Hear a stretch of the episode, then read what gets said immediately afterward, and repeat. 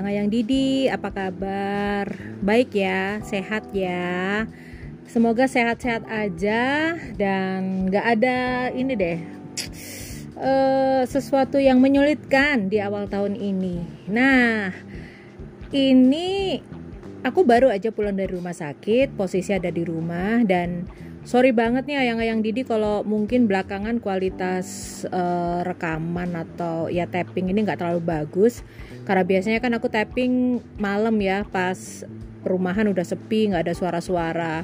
Nah belakangan karena aku berusaha untuk bisa lebih sehat dengan Eh, nggak uh, insomnia lagi gitu. Jadi semua aktivitas entah itu chatting entah itu ya bikin-bikin podcast seperti ini itu tidak aku lakukan di malam hari lagi. Jadi ya habis isa gitu aku sudah harus berusaha untuk bikin otakku tuh istirahat lebih awal. Jadi kalau misalnya jam 7, jam 8 gitu ada kerjaan atau apa gitu bisa sampai pagi tuh otakku berputar.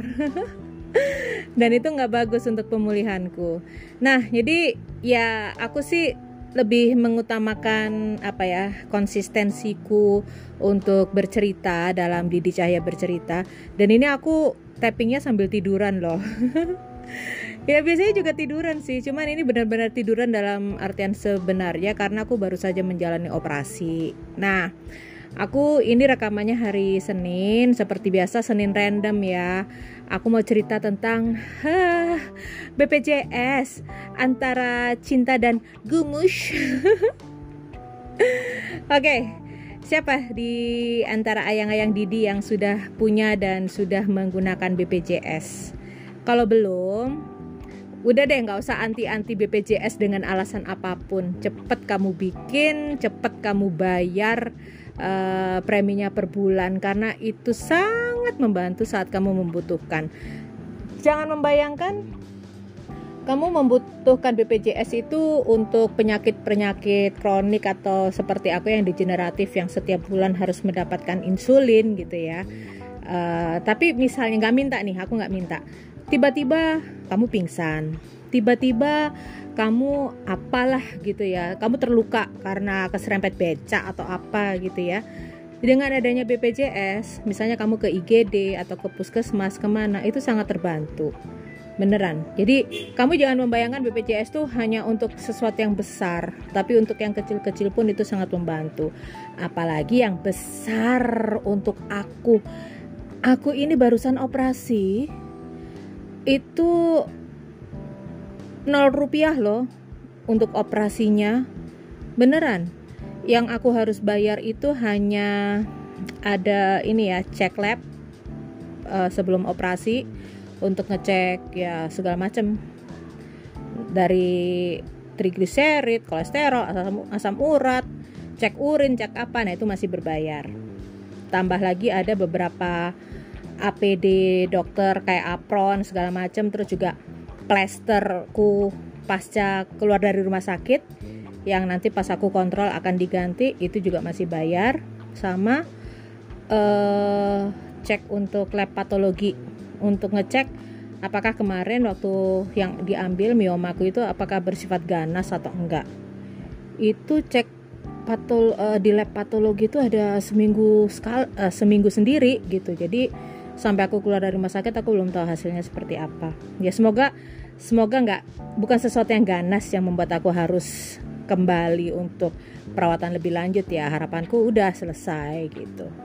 Nah itu itu masih berbayar. Dan untuk operasi sedemikian besar aku total total aku paling nambah cuma 2 juta 150 ribu lah. Eh sama ini nambah obat. Aku minta obat paten karena anti nyeri yang pakai BPJS itu nggak mempan. Jadi saat anti nyerinya itu sudah nggak bekerja sakitnya minta ampun aku nggak bisa tidur. Nah itu aku minta yang dosisnya lebih tinggi obat paten. Ya nggak sampai dua setengah juta lah pokoknya yang aku keluarkan untuk operasi sebesar ini gitu ya. Hmm. Tapi memang itu yang membuat aku cinta. Oh BPJS itu sangat membantu aku sendi, uh, sekali. Jadi cintalah aku padanya. Tapi ada beberapa hal yang membuat aku gumus gemes banget gitu ya. Hmm, bagaimanapun juga BPJS itu kita yang butuh. Aku yang butuh. Jadi prosedurnya seperti apa pun aku harus ikuti. Nah aku pakai fasilitas ini sejak 2015 saat aku mau serius mem, mem apa bukan menyembuhkan ya mengatasi diabetesku. Sampai akhirnya aku sempat opnam 2019 pakai BPJS kalau opnam itu kemarin nggak terlalu sulit karena aku masuk IGD terus aku juga sudah punya rujukan spesialis penyakit dalam. Terus ke Objin aku juga cuman sekali aja jadi nggak perlu rujukan lagi. Udah aman tahun itu mulai merasakan kesulitan itu adalah waktu Februari kemarin tanggal 3 aku opnam lagi melalui IGD jadi bukan karena bukan berdasarkan rujukan tapi melalui IGD aku opnam pindah pintu. Kalau biasanya pintunya itu lewat internis kali ini pintuku lewat objin karena waktu aku masuk aku bilang e, kayaknya HB ku drop karena menstruasi ada mioma aku bilang kayak gitu kan nah akhirnya dari pernyataanku itu langsung aku dirujuk ke objin dan memang benar Opnam kemarin itu aku habis tiga kantung darah harus transfusi dan langsung dipegang oleh Opjin. Nah kebalikan dengan Opnam ke yang pertama, yang pertama itu aku masuknya lewat pintu spesialis penyakit dalam, dirujuk ke Opjin. Kali ini aku ke Opjin, dirujuk ke spesialis penyakit dalam karena dokter Opjinku memutuskan, oke okay, operasi. Karena ini sudah udah nggak ada solusi lain selain operasi. Makanya dia merujuk ke spesialis penyakit dalam untuk diabetesku. Dia bilang gini si objinku, pokoknya kalau di bawah 200 berangkat. Oke. Nah, ini petualangan mengurus rujukan-rujukan dimulai. Jadi pasca opnam itu kan ada surat kontrol. Nah surat kontrol itu berarti kita nggak perlu rujukan dari vaskes kan, kita langsung kontrol. Tapi sesudah itu kita tetap butuh rujukan untuk kontrol berikutnya. Nah, akhirnya surat kontrol itu pertama aku gunakan untuk ke Objin. Oke. Dari Objin, aku harus ke spesialis penyakit dalam dan itu aku membutuhkan rujukan dimulai dari vaskes pertama. Oke, paham ya? Nah, sesudah dari internis ini, kalau internis sudah memutuskan aku operasi atau tidak, berarti aku membutuhkan rujukan lagi dari vaskes pertama ke rumah sakit tipe C buat masuk ke tipe B. Jadi aku butuh dua rujukan. Bingung gak sih kalian? Oke, nanti nanti nanti paham kok gitu. Jadi, karena aku dipegang oleh dua spesialis, maka aku membutuhkan dua rujukan. Dan masing-masing rujukan itu tahapnya adalah vaskes pertama yang memberi rujukan ke rumah sakit tipe C. Dari rumah sakit tipe C memberikan surat rujukan ke rumah sakit tipe B karena aku opnamnya waktu itu di tipe B di Rumah Sakit Islam Jemur Sari. Oke, paham ya? Jadi tahapnya kan ke vaskes, ke tipe C, baru ke tipe D. Jadi ada dua tahapan yang harus diikuti dan itu dikali dua. Spes ke spesialis penyakit dalam dan ke spesialis kandungan. Dan itu tidak bisa dilakukan dalam satu hari. Jadi kalau hari ini aku minta rujukan ke penyakit dalam. Nah untuk objin tuh ini di vaskes 1 nih. Untuk objin itu harus keesokan harinya atau lusanya nggak bisa hari itu aku minta dua rujukan ke spesialis penyakit dalam dan objin nggak bisa. Jadi hari ini aku ke objin terus ngurus ke tipe C baru dapat rujukan ke tipe B. Baru aku bisa ke rumah sakit Islam Jemur Sari dengan rujukan itu. Oke paham ya? Jadi aku butuh dua rujukan.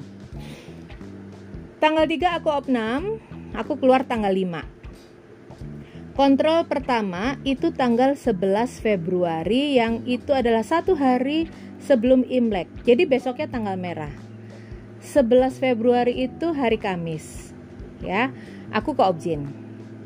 Nah, dari Objin aku diminta ke spesialis penyakit dalam tuh hari Seninnya, tanggal 15. Berarti aku harus mendapatkan rujukan ke spesialis penyakit dalam itu sebelum tanggal 15. Padahal tanggal 12-nya tanggal merah. Oke, paham ya?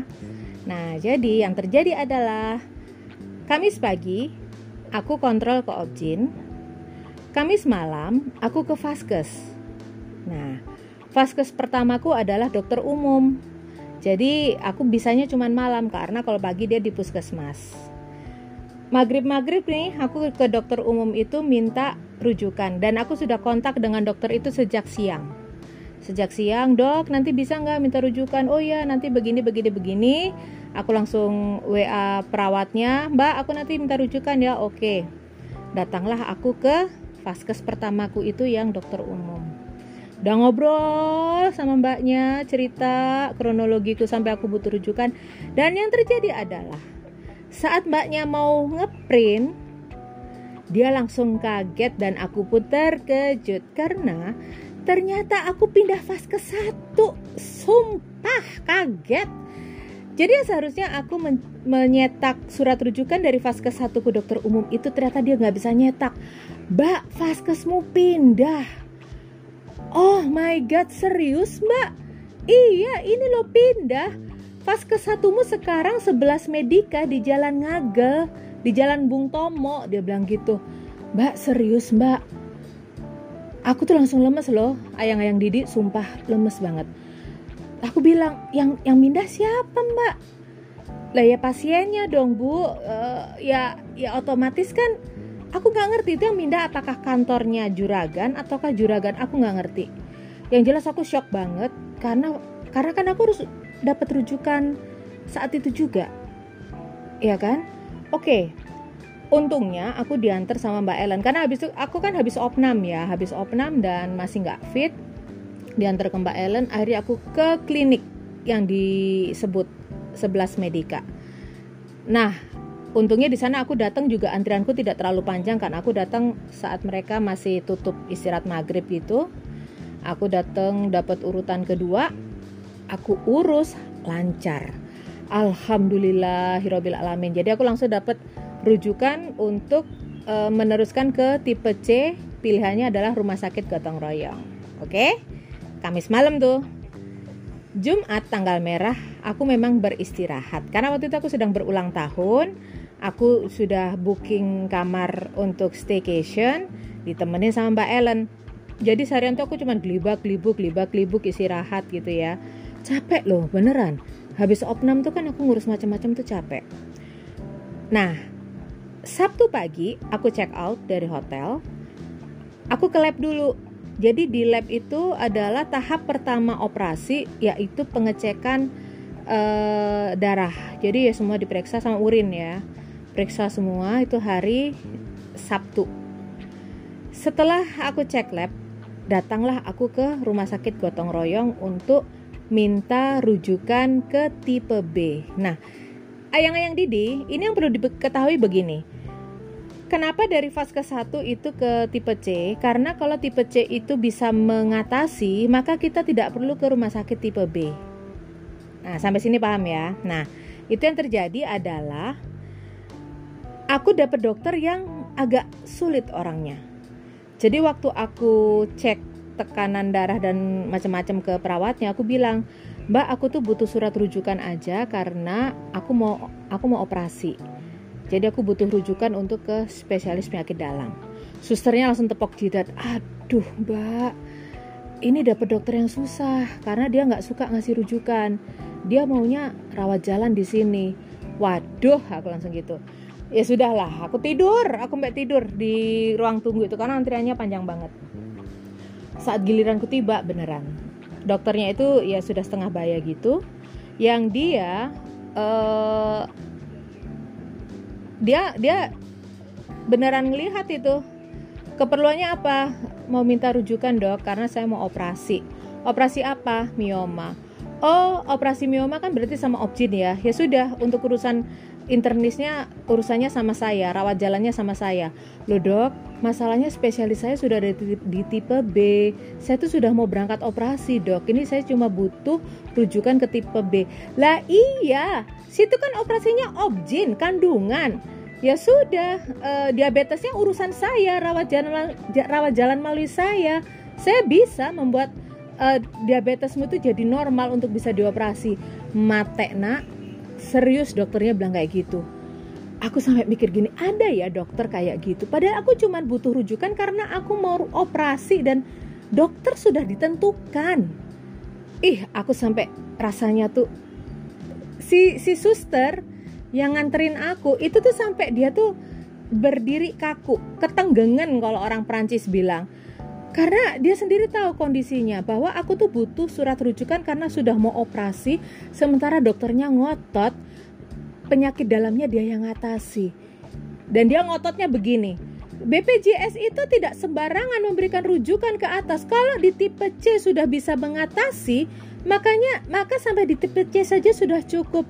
Allahu Akbar. Ada dokter ngeyelan kayak gitu. Akhirnya memo internal antar spesialis itu aku keluarkan sama rujukan untuk mau operasi. Memang belum keluar tanggalnya kan karena aku belum di ACC sama uh, internisku di rumah sakit Islam. Ku keluarkan itu amplop. Ini loh dok bukti kalau saya tuh mau operasi. Makanya saya cuma butuh rujukan gak butuh rawat jalan di sini. Serius loh. Itu tuh bener-bener aku rasanya tensiku langsung naik deh di situ tapi ya setelah itu akhirnya dia luluh gitu. Oh ya sudah kalau gitu. Pahit gitu mukanya yang nggak bakalan gue balik lagi ke lu dok. Gue mau cari dokter yang lain kalau memang harus ke tipe C. Asli aku sampai mikir kayak gitu. Akhirnya udah ya hari Sabtu udah beres. Hari Senin aku ke internis ternyata aku salah salah salah cara. Harus daftar online dulu sebelum bisa ini karena ternyata pasiennya antri otomatis aku hari Senin nggak bisa ke dokter internisku. Ku pakai waktuku itu untuk kembali ke fase 1 untuk mengurus rujukan ke spesialis kandungan. Gila nggak sih? Jadi hampir setiap hari itu aku harus ke rumah sakit ke klinik rumah sakit klinik rumah sakit. Liburnya tuh cuman waktu imlek Jumat tanggal merah sama hari Minggu. Jadi pagi aku ke RSI gagal ketemu dokter aku ke fase 1 minta rujukan ke RSIA. Aku minta RSIA Pura Raharja. Sampai di RSIA Pura Raharja pelayanannya bagus, aku suka. Tapi antriannya panjang banget. Aku dapat nomor rujukan itu 48 sementara waktu aku nyampe itu masih 15. Panjang banget. Ditambah lagi ternyata dokternya itu ada jeda isoma. Nah, tapi namanya orang butuh ya. Namanya orang butuh tuh aku nunggu ikhlas, nggak ngeresulo gitu ketemulah aku dengan dokternya. Dokternya itu uh, objin senior bapak-bapak gitu. Terus ya ayalah mbak kalau cuma rujukan aja mbaknya nggak usah nunggu selama ini nggak usah ngantri. Langsung aja bilang sama susternya minta rujukan nanti saya langsung kasih rujukan tanda tangan. Allahu Akbar gitu. Nungguku tuh ada loh kalau barang 2-3 jam tuh lebih kali ya di rumah sakit itu tapi suratnya semudah itu keluar, dipermudah sama dokter yang objin di Pura Raharja. Jadi memang berimbang antara kesulitan di uh, internis tipe C sebelumnya dengan kemudahan di tipe C objin ini. Alhamdulillah, akhirnya aku Selasa aku bisa ke internis sambil antri obat itu pun sampai siang banget. Lalu Rabunya aku langsung ke objin. Langsung ke objin dan langsung diputuskan operasi hari Rabu. Jadi hari Rabu tuh aku diputuskan operasi tanggal 20 Februari. Diputuskan jadi aku harus opnam hari Jumatnya secepat itu ayang-ayang Didi. Ya Allah, jadi kalau kalian bukan tipe orang yang sabar, maksudku begini. Kalau kalian selama ini menggunakan asuransi yang diuruskan oleh agent kalian, bersyukurlah tapi memang aku ada usulan sih. Kalau memang udah punya asuransi nggak ada salahnya kalian punya BPJS jangan merasa turun derajat atau turun, harga ya. Karena asuransi mana sih yang mau mengcover kehamilan katakanlah gitu ya. Karena itu kan sakit yang disengaja orang melahirkan itu. BPJS tuh ada loh. Jadi nggak apa-apa deh ngurus aja kayak gitu. Seperti aku kemudahan itu. Nah cuman memang ada kesulitan lagi Hari Rabu setelah aku kontrol objin, aku langsung ngurus ke BPJS Center di rumah sakit yang bersangkutan. Nggak langsung di ACC yang yang Didi. Padahal maksudku adalah Rabu itu udah urusannya selesai. langsung aku booking kamar Kamis aku pengen istirahat jadi hari Jumatnya aku bisa langsung masuk istirahat Sabtunya operasi pengenku gitu tapi ternyata di BPJS Center lagi-lagi si petugasnya gini Ibu, ini berkasnya ditinggal saja. Saya minta nomor teleponnya. Nanti ibu akan dihubungi untuk persetujuannya ya atau tidak. Ya Allah Gusti, padahal udah ditentukan loh. Aku operasi tanggal 20. Tapi kenapa BPJS-nya nggak langsung ngetok palu gitu kan? Ya sudahlah gitu. Itu aku agak sedih. Terus terang aku agak sedih gitu. Awal itu yang happy banget ya Allah, alhamdulillah lancar. Akhirnya tanggal-tanggal operasi sudah sudah ditentukan gitu kan aku happy banget. Ternyata masih nunggu BPJS tapi alhamdulillah Kamis pagi ya sekitar jam 9 setengah 10 gitu aku ditelepon. Ibu ini dari BPJS Center. Uh, ibu sudah bisa mengurus uh, permintaannya sudah disetujui oleh BPJS silahkan ibu urus untuk booking kamar. Alhamdulillah dan kebetulan Kamis itu memang ada temanku masuk IGD juga di Rumah Sakit Islam Jemur Sari jadi ya sekalian sekalian aku ng ngeliatin temanku di IGD sekalian aku ngurus BPJS jadi ayang-ayang Didi sejak tanggal 3 aku opnam keluar tanggal 5 itu aku cuma jeda tanggal 6, 7, 8, 9, 10, 5 hari. Dari tanggal 10 sampai aku masuk tanggal 19 operasi tanggal 20 aku tuh cuma jeda di tanggal 12 dan 14 Sisanya adalah ngurusin berkas BPJS buat operasi. Gimana rasanya yang yang Didi? Serius? Ya, ya tapi sekali lagi itu karena aku butuh. Aku membutuhkan. Itu yang membuat aku cinta. Tapi yang membuat aku gemes adalah ya ya step-stepnya itu tahap-tahap yang aku harus lalui itu sangat panjang dan berliku dan itu sangat melelahkan. Jadi waktu aku tuh uh, aku opnam hari Jumat itu tensiku agak tinggi. Waktu ditanya ya tinggi dalam masih dalam batasan normal ya. Waktu aku ditanya, "Kenapa kok tensinya segini, Bu? Biasanya kan agak agak turunan dikit gitu." Ya aku terus terang aja bilang, "Aku capek." Aku capek semingguan ini ngurusin berkas-berkas BPJS dari pagi sampai sore, dari pagi sampai sore, aku capek. Oh ya sudah nggak apa-apa. Sekarang istirahat ya gitu. Jadi ayang-ayang Didi aku cuma pengen cerita bahwa uh, selalu ada dinamika dalam kita mengurus sesuatu. Seperti yang BPJS aku cerita itu ada ada saatnya kita tuh jalannya mulus banget tapi ada juga ada kendala di depan di awal-awal. Tapi ya akhirnya beres juga. Nggak nyangka gitu loh dari pertama aku opnam tanggal 3 sampai akhirnya aku operasi tanggal 20 dan keluar saat ini tanggal berapa nih hari Senin ini? Itu tanggal 22 ya 22 Februari. Itu adalah saat yang benar-benar aku nggak nyangka. Aku nggak nyangka karena oh ternyata aku bisa bisa mengurus ini semua bisa melalui ini semua uh, bisa mendapatkan kemudahan walaupun ada beberapa titik kesulitan. Jadi yang ingin aku sampaikan di sini ayang-ayang Didi sekali lagi yang nomor satu yang utama tetap jaga kesehatan apalagi perempuan yang terkait dengan kesehatan reproduksi jangan abai ya.